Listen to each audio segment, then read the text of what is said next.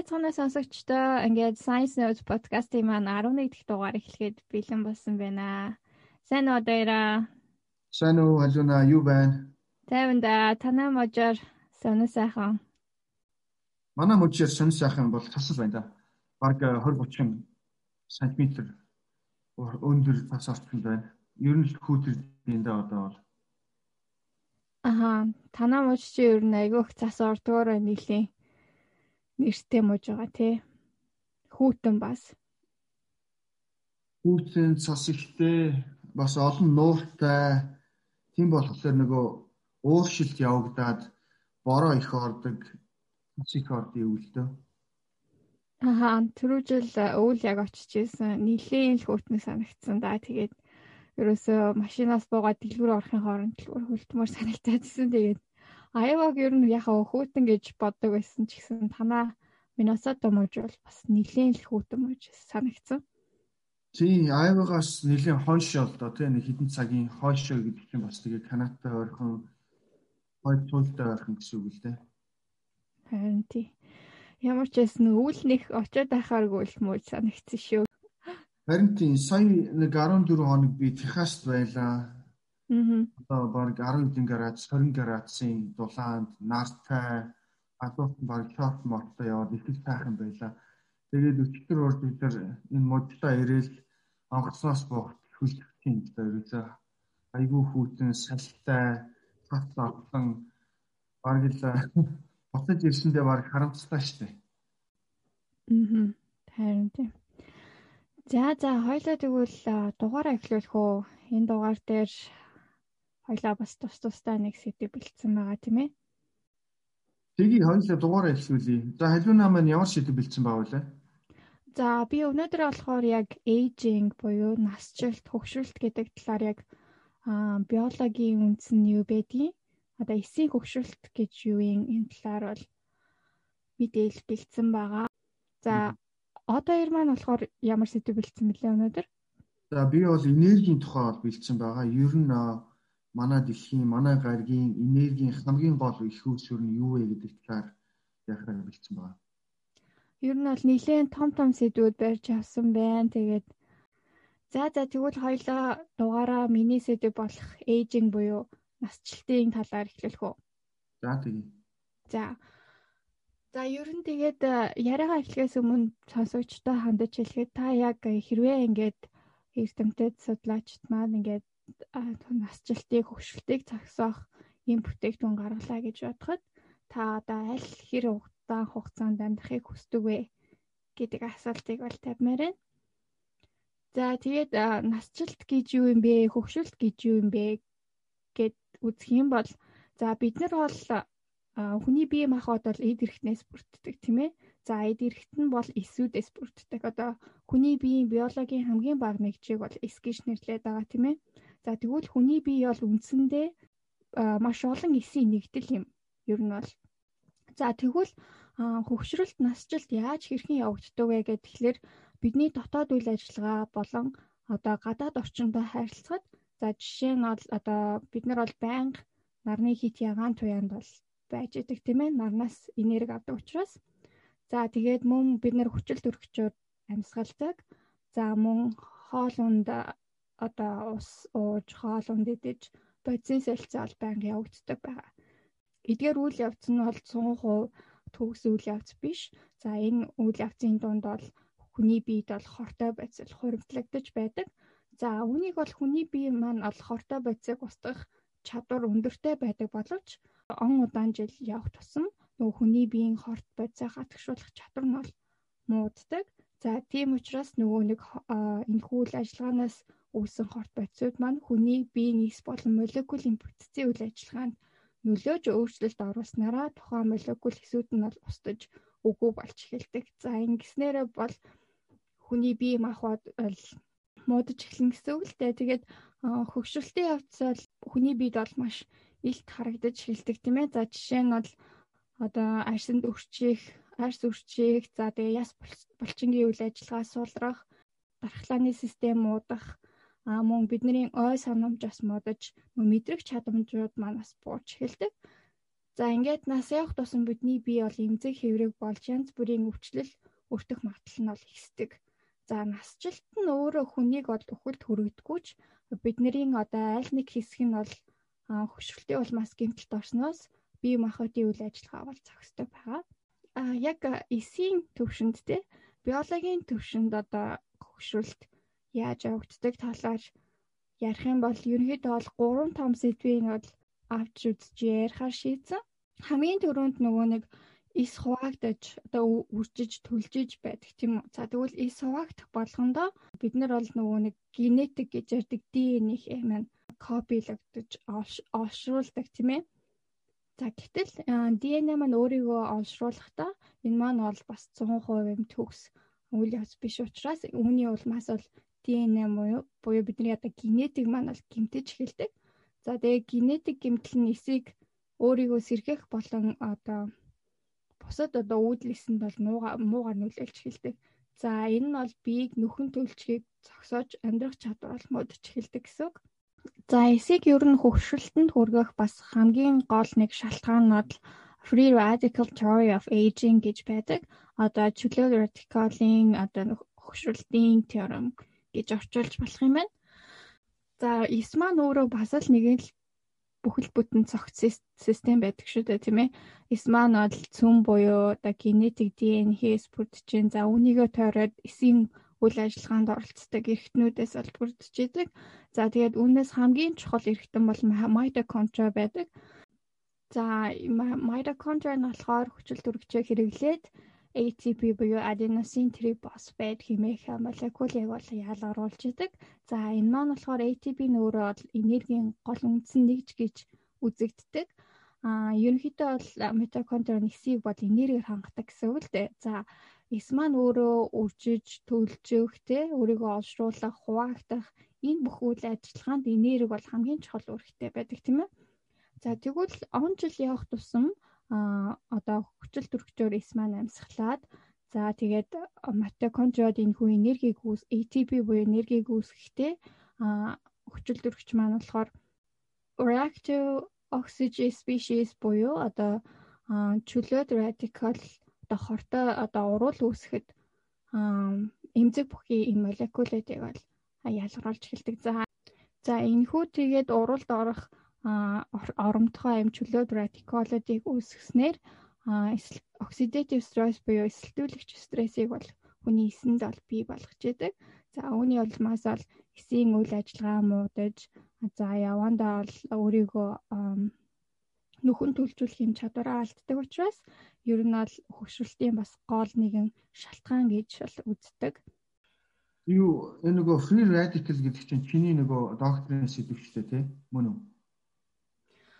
Тийм манай танхим болохоор Free Radical and Radiation Biology гэсэн нэртэй ер нь бол free radical-ууд чөлөөт радикалуудыг бол судалгаа хийдэг хавдрын дээр.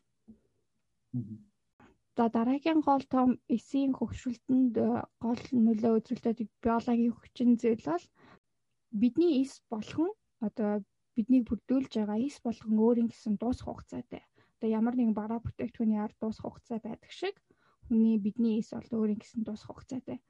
За тэгээд энийг яаж тайлбарлаж болох вэ гэхээр бидний эсийг эсэндэх одоо ДНЭ, ДНХ тийм ээ. ДНХ маань өөрөө хромосом хэлбэрээр байрлаж байдаг. За хромосом гэхлээрээ бид нэг X хэлбэрээр бол ойлгочих болно. А гэтэл яг хүн өөрөө бол 23 хромосомтой те. Тэгээд хамгийн сүүлийн 23 дахь хромосом маань одоо бидний эрэгтэй эмэгтэйг бол тодорхойлж идэг. Эс бол хуваагдах бүрдээ ДНЭ буюу хромосом бол копидэж олшруулж идэг. За тэгээд энэ хромосомын үзүүрүүд нь бол теломеросээр бол хамгаалагдаж байдаг.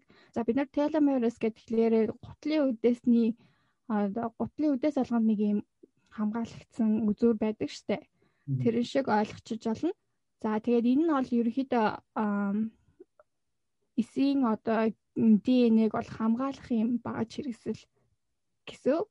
За тэгээд энэхүү одоо хамгаалах багж нь бол хуваагдах бүр багасж жижигэрж идэг. За тэгээд энэ хамгаалт нь багасаар эс хуваагдгаа зогсоож устдаж эхэлдэг байх нэ. За тэгээд олон хуваагдалтын дараагаас теломер нь алга болж эсийн өсөл зогсож хуваагдах чадвар нь бол буурдаг гэсэн үг. За өөрөөр хэлбэл эс маань бол зомби болж хуурч ин гэсэн үг л дээ. Зомби буюу хөгшөрсөн эс болж ин гэсэн үг. За тэгэхээр энэ хүү зомби эсүүд маань өөрөө устж үгүй болохгүй ч гэсэн бидний биед бол байсаар байдаг. За тэгээд мөн одоо эргэн тойрныхоо эрүүл хэсүүдийг бол гэмтэж эхэлдэг.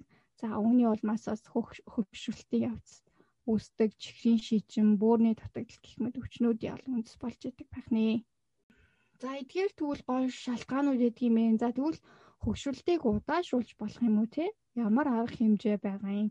Эрдэмтэд ер нь ямар судалгаа хүн дээр хийж байгаа гэдэг талаар товчхон дурдах юм бол За би мөн бас гурван юм хөшгөлтэйг удаал удаашруулах юм гурван том судалгааг бол уншиж бэлдсэн байгаа. За тэгээд эхнийх нь болохоор а бидний эсийн ДНХ бол байгласаа л юм хөгшөрөхөөр програмчлагдсан гэж бол ойлгож байна. За тэгээд генетик химийн эмчилгээ болон компьютерийн цэцлэмжтайгаар хүний эсийн хөгшөх үйл явцыг дахин програмжилж эсийн амьдрах хугацааг болон хөгшрөх үйл явцыг удаашруулах боломжтой. За Харвардын эрдэмтэд бол хэсэг төрлийн одоо залуужуулах генийг эсэнд суулгаад суулгах болон амтан дээр бол суулгаж туршихад одоо тухайн амтны одоо эрхтэн залуучууд дахин төлж эхэлсэн байгаа. За тэгээд одоо үүнийг бол хүний биед хэрхэн суулгах, аюулгүйгээр суулгах гэдэг нь бол аюу тум асуудал болж байгаа. За тэгээд өөрөөр хэлбэл бол хөвгшөлтийг бол зогсоох буюу даашруулах юм боломжтой. За хоёр дахь бас эрдэмтдийн хамгийн хийсэн судалгаа гэдэг юм бол эрүүл эсийг усгахгүйгээр хэрхэн одоо дунд нь байгаа нөх хөвшөрсөн зон буй эсүүдийг устгах вэ гэдэгт дээр бол ажилласан. За тэгээд ихэнх эсүүд бол өөрийгөө аюулд орсноо мэдсэн тохиолдолд бол өөрийгөө устгах устгадаг ийм програмчлагдсан одоо тийм өөрийгөө устгах юм чадвартай байдаг. А гэтэл нөх хөшөрсөн зомби эсүүд маань бол өөрийгөө тэгж устгадаггүй. Тийм учраас ч тийм учраас зомбис гэд одоо эсүүдийн донд ирүүлсэн гэмтээгээд байж идэг. За тэгвэл хөгшөрсөн эсийг одоо өөрийгөө устгах тушаалыг өгдөг уургийг нь одоо энэ хүү зомбис нь үйлдвэрлэдэггүй гэсэн үг л дээ. За гэтэл Эрдэмтэд 2016 оны сүүлд Энэхүү уургийг ол нөгөө нэг өөрийгөө устгах тушаал өгч болох уургийг хулган дээр ол таарж бол тушсан. А гэтэл энэ нь бол 80% хөгшөрсөн зомбисыг эрүүл хэсэнд ямар нэгэн нөлөөлгүйгээр бол устгасан байгаа. За тэгэхээр хулган эрүүл байсан бөгөөд одоо хулганы одоо өсөн хүртэл бол уургаж эхэлсэн одоо нас нь бол уртсан гэсэн үг. За гурав дахь бас том эсийн хөгшрөлтэйг удаас удаашруулах судалгаа нь болохоор нөгөө үүдлэс дээр хийгдчихсэн. За үүдлэс нь гэхлээр үүдлэс нь бол биеийн одоо бүхэл хэсэгт байрлаж аа өөрийгөө олшруулж залуу эсүүдийг бол юм тэтгэх юм үүрэгтэй эс байдаг. За тэгээд эдгээр нь бол цаг хугацаа эдгээр үүдлэс нь цаг хугацаа явах тусам бол багасж аа үүнийг дагаад бол бид нэр бол хөгшөрдөг байгаа. Гэтэл Гэтэл залуу хулганы эрдэмтэд ямар туршилт хийсэн бэ гэхээр залуу хулганы тархины үүдлэсийг одоо дундаж насны хулганы тархи руу одоо суулгахад залуу эс одоо хөвшин тархины эсийг бол тэтгэж төлжүүлж эхэлсэн. Аа тэгээд мөн бодисын солилцоог нь бол сайжруулж эхэлсэн байгаа. За тэгээд үүний дараагаар бол тархины үйл ажиллагаа сайжирч одоо удаан одоо хулган маань одоо удаан амьдарч одоо хөвшрөлт нь бол удааширсан гэсэн үг. За иймэрхүү туршилтууд хийгээд бол хулган дээр бол маш амжилттай явж байгаа. За тэгээд үүнийг бол хүн дээр ирээд ямар байхыг бол бид нар мэдэхгүй боловч ер нь бол хөшрөлтийг удаашруулах юм хүү одоо үндсэн шинжилгээ ухааны судалгаанууд маань бол маш амжилттай явж байгаа гэж бол харж байна. Маш сонирхолтой. Ер нь бол судалгааны төвшөнд байгаа зүйлийг бол ярьлаа шүү дээ. Тэгээд тэгвэл нөгөө практик дээр бид нар ер нь яах ёстой юм? Бидний амьдралын хэв маяг бол хөгшрөлтийг удаашруулах тий эрүүл хөгшрөх гэх мэт зүйлсүүд бол маш том шалтгаан болж идэг. За тэгээд ямар хоол хүнс хэрглэж гин те тухайн хүний биеийн онцлог, өөрийнх нь ген, те удамшил хэрвээ одоо аав ээж нь урт удаан насалтай хүмүүс байх юм бол тухайн хүн бас урт удаан наслах магадaltaй. Ягаад тэгэхээр нөгөө нэг эсхвагт болгонд хувааг алга болж идэг теломерусуд маань хэр урт байх нь бол бас ээж аваасаа өвлөгдөж авч идэг учраас одоо хэр удаан наслах залуу байх нь бол бас удамшлын шин чанартай. Аа тэгээд мөн эрүүл амьдралын хэв маяг за тэгэл эрүүл зохистой хооллолт, дасгал хөдөлгөөн, арх тамхины хэрэглээг багасгах энэ төр нь бол бас хүний насжилтанд бол бас гол нөлөө үзүүлж идэг. Эрүүл мэндийн дэлхийн эрүүл мэндийн байгууллагын судалгаагаар болохоор ер нь бол хүн гэдэг амтан маань бол 150 жилийн өмнө бол дундаж насалтанд 40 байсан. А гэтэл 1000 жилийн өмнө бол 25 байсан байх нэ бүр. Одоо бол ер нь бол насжилт батал нэлээд уртсан байгаа тийм ээ.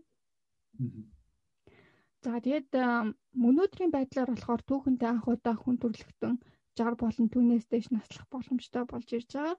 За тэгээд дэлхийн 60-аас дээш насны хүн ам 2015 он гэхэд бол 900 сая байсан бол одоо 2050 он гэхэд 22 тэрбум болно гэсэн судалгаа тийм ээ.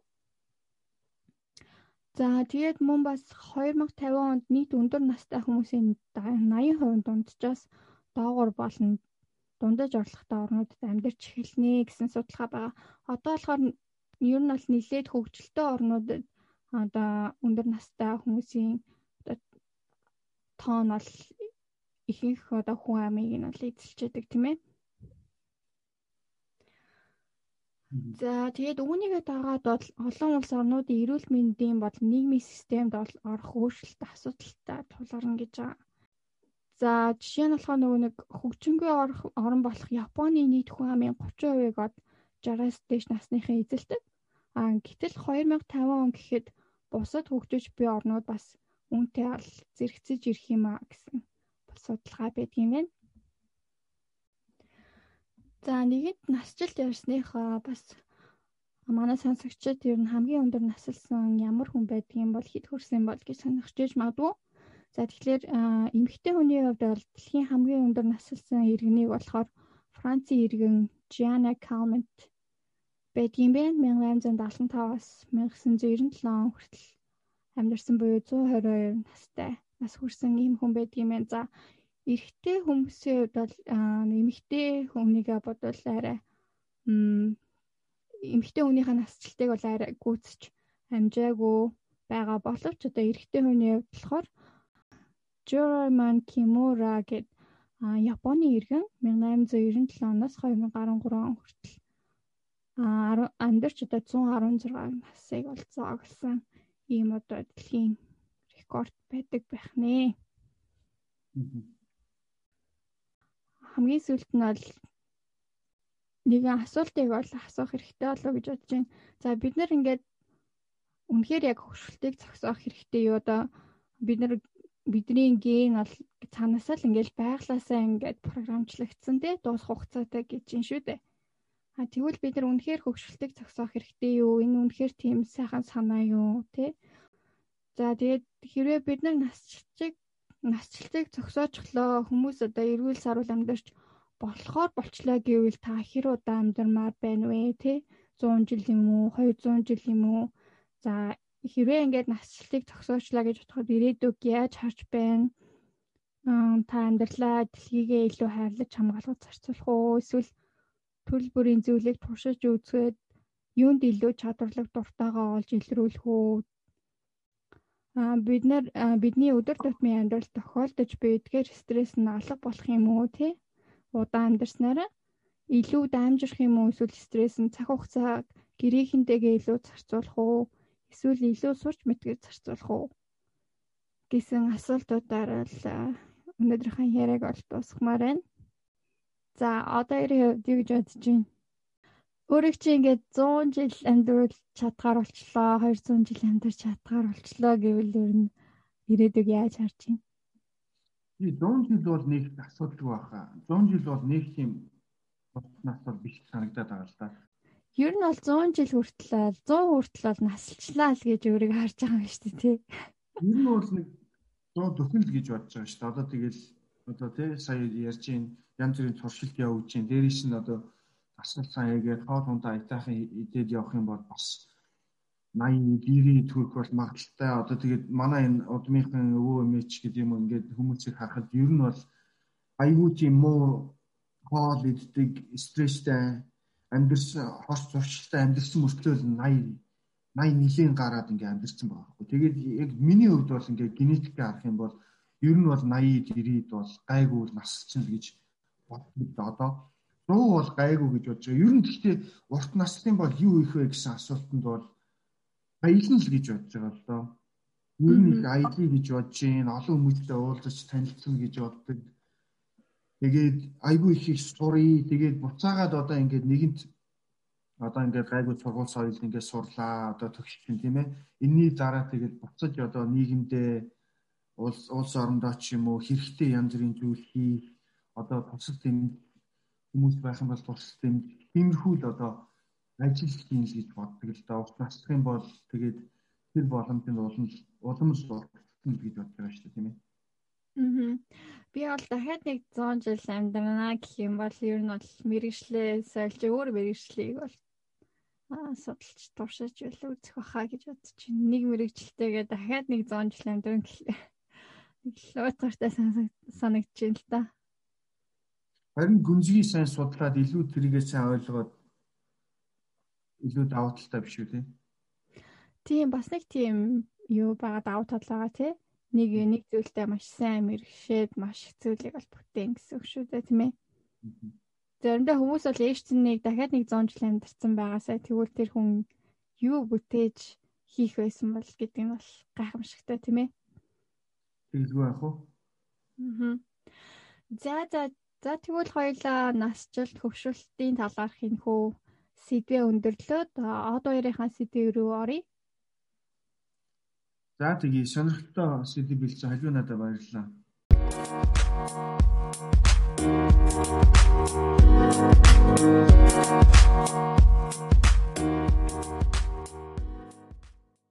За миний сэдв болохоор энерги гэж юу вэ гэсэн сэдв байгаа. За энергийн бол шинжлэх ухааны тодорхойлт нь бол за тодорхой нэгэн ажлыг хийхэд гаргаж буй хүч юм а гэж тодорхойлсон байна. Маш олон төрлийн энерги байдаг. Адуун дулааны гэрлийн, хөдөлгөөний, электроникийн, химийн, гравитацийн гэх мэт. Ер нь бол энерги нэг төрлөөд нөгөө төрлөө бол шилждэг байнгын юм шилжилтийн хөдөлгөөнд бол байж идэг. Нүүрс эсвэл модонд хураагчийн энерги шатгаар гэрэл эсвэл дулаан бол төвлөрдөг задардаг гэсэн үг. За манай дэлхийн те ер нь манай гаргийн ч гэдэг юм уу хамгийн том гол энерги их үүсвэр нь юу вэ? Энэ талаар бодж үзэж шнэ урдна. За одоо нар л ах та. Яагаад нар гэж бодсон бэ? Нараас бид нэр дулаан энергийг авдаг тийм ээ. Тэгэлгүй аах? За нар бол те манай дэлхийн за манай нарны гаргийн хамгийн одоо энергийн гол их үүсвэрэ гэж бол үздэг. За тэгвэл нар гэж юу вэ гэдгийг бол тавтхан ярьчих тий. За нар бол ийм дугаарх хэлбэртэй за гол бүтцэн хели гэж ярьдаг хелиум тий 26% болон ус төрөгч за 72% ийм ус төрөгчийн бол хийнэт бүрдсэн. За бас 1.1 хэдэн хувийн ийм хүн металлаас бүрдсэн ийм дундаж хэмжээтэй од. Нар бол од шүү дээ тийм ээ. За за тэгэхээр ус төрөгч маань болохоор химийн уялаг системийн нэгдүгээрт барилж идэг те. Аа тэгээд молекул масс нь бол 1 аа тэгээд протоны хэмжээ нь бол 1 гадуур нь бол 1 электроноор ингэж хүрээлэгдсэн юм атом байдаг. За гелиум нь болохоор уялаг системийн 2 дугаар байрладаг. За молекул масс нь бол 4 те 2 протон, 2 нейтрон, аа мөн 2 электроноос бүрдсэн юм араараас байрладаг юм ойрхон химийн элементүүд байгаа тий. Тэгээ ер нь бол маш тийм хөнгөн элементүүд ч гэдэг тийм ээ. Хүн төрөлхтний эргэн шил тий амьд байгаль, амьгүй байгалийн үзэгдлүүд энергигээр оршин тогтнох бол ямар ч боломжгүй л дээ. За нэг асуулт байна халиуна. Аа. За тэгвэл за нарны насжилтыг бол 4.5 тэрбум гэж бол тооцоолсон. За тооцоолохдоо бол нарны масс, хэмжээ болон эрэлдэх байдлаас нь бол тодорхойлбол ийм төвлөлтөнд хүрсэн гэж байна. За нар бол ерөөхдөө бол за дэлхийгээс те 110 дахин том ийм 1.4 сая км диаметртэй масар том идэ. За тэгээд нарны аймгийн бол 99.8% одоо массыг бол эзэлдэг чинь. За нарны төв буюу цөмд маш халуун байдаг гэж бүгдээрээ мэдж байгаа. 15 сая Цельсийн градус хүрсэн юм халуунтай байдаг. Наадах чинь бол наадах чинь бол төсөөлөхөд аюу хэцүү юм л да. Яг тэгэхээр бид нар чинь нэг гадаа 30 градус Цельсийн халуун байгаад л их халууныг мэдэрдэг шүү дээ тий. Тэгэлгүй яах вэ? За зөндөө бол ийм гихтээ одоо гадрах хэсгээрээ бол арай жоохон. За тэгээд ерөнхийдөө бол нар бол маш хол оршдог учраас төсвийдээ тусад нь бол арай бага. Тэгээд 1.4 одоо киловатт энергийг бол 1 куб одоо метр надад бол хэлхийдээр ногдгоо гэж үзсэн байна. Гэхдээ 1 секундэд гаргах нарны бол энерги бол 10-ыг өрч 24 4 зэрэгтэй киловатт энергийг бол 1 секундэд гаргадаг гэсэн байна. Ер нь бол одоо ингээд атомын бөмбөг гихчээр хэдэн зуун хэдэн сая атомын бөмбөгийг нийлүүлсэн хэмжээний энергийг бол зөвхөн 1 секундэд гаргаж идэг юм үг байх юм л те. За дэлхий дээр амьдрал үүсэх олон шалтгааны нэг бол бол нара тийм ээ. За тэгээд манай дэлхий бол Goldilocks zone гэж хэлээд байдаг. Буюу ийм амьдралын бүтэц байршдаг. Энэ нь болохоор дэлхий бол нараас хит хол биш, хит ойрхон биш. За тэгээд нарны энергийг хангалттай авч за мөн дулааны энергиэр амин чухал хими процесс явуулах боломжийг бол үүдэлдэг гэсэн үг. Аха, ер нь бол маш нарийн тогтолцоон дээр бол яг нэг тийм эцэг энд одоо яг тийм нарийн тогтолцоон дээр байгаа учраас л амьдрал үсээд аа яваад иршээ тийм ээ. Зарим одоо эрдэмтэд хэлдэг ч тийм ээ. Ер нь бол амьдрал бол баг л одоо азар үссэн гэж тийм ээ. За ер нь бол юу юм бэ штэ аа зүүнний үзүүрдээ тогтсон будаа гэж яриад идэх те. Харин чи яг наад санаагч бол маш олон эрдэмтэд бол хэлдэг л дээ те. Жишээлбэл нарны тос гүнзгий арай өөр байсан бол ч юм уу нар хол эсвэл ойрхон байсан бол амьдрал үүсэх ямар ч боломжгүй байсан. Ер нь бол амьдрал ингэж үүснэ бол бараг л азаа гэж үздэг эрдэмтэд бол маш олон байдаг аа. Аха. Яа тэгээд үргэлжлүүлээд нар яаж үүссэн бэ гэдэг талаар ярив. За эрдэмтдийн үдшил тооцоогоор болохоор за хэмжээний хий болон бусад санслын бит за гравитац гэж бүгдээрээ урд нь бол ярьсан байгаа. ертөнцийн тав хүчний нөлөөгөөр их багалтанд орж тагидаад олон сая тий олон тэр бөмбөг жил одоо ингэж нахтарч байгаад одоогийн байдлаа бол нар маань бол орсон. За энэний явандаа бол nuclear fusion гэж бол ярьдаг хими ухаанд. За монголоор бол төмийн нэгдэлтэй ийм нарны энергийг энергийг ийм nuclear fusion-ээр бол үүсгэсэн гэж бол үздэг. Аа.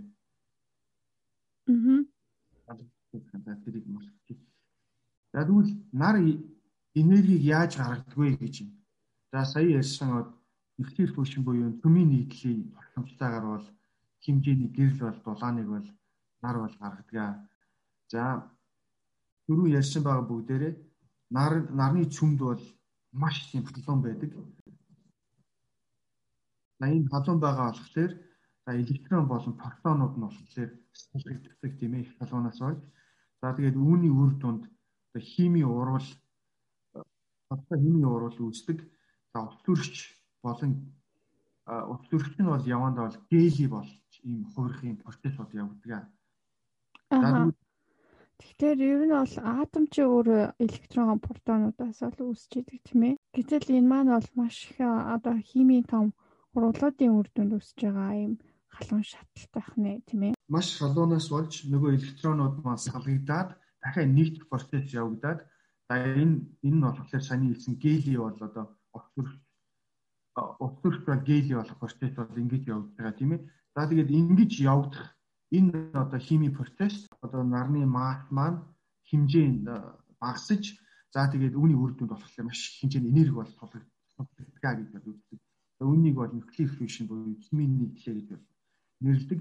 За нар бол дэлхий дээрх бүх энерги их үсвэр юм а гэж бол түрүү ярьсан байгаа. За энергийг бол тэ нөхөн ширээгдэх найдаас нь шалтгаалж бол нөхөн сэргээгдэх, нөхөн сэргээгдэггүй гэж бол ангилдаг. Нөхөн сэргээгдэхэд бол нар салхи, биологийн бол утны энерги бол ордог. Нөхөн сэргээгдэггүй нүүрч байгалийн хий газрын дотор зүйлүүд бол ордог. Дөрөв ярьсан нар бол бүх амьтан ургамлын оршин тогтнох бол их үүсвэр нь болдог.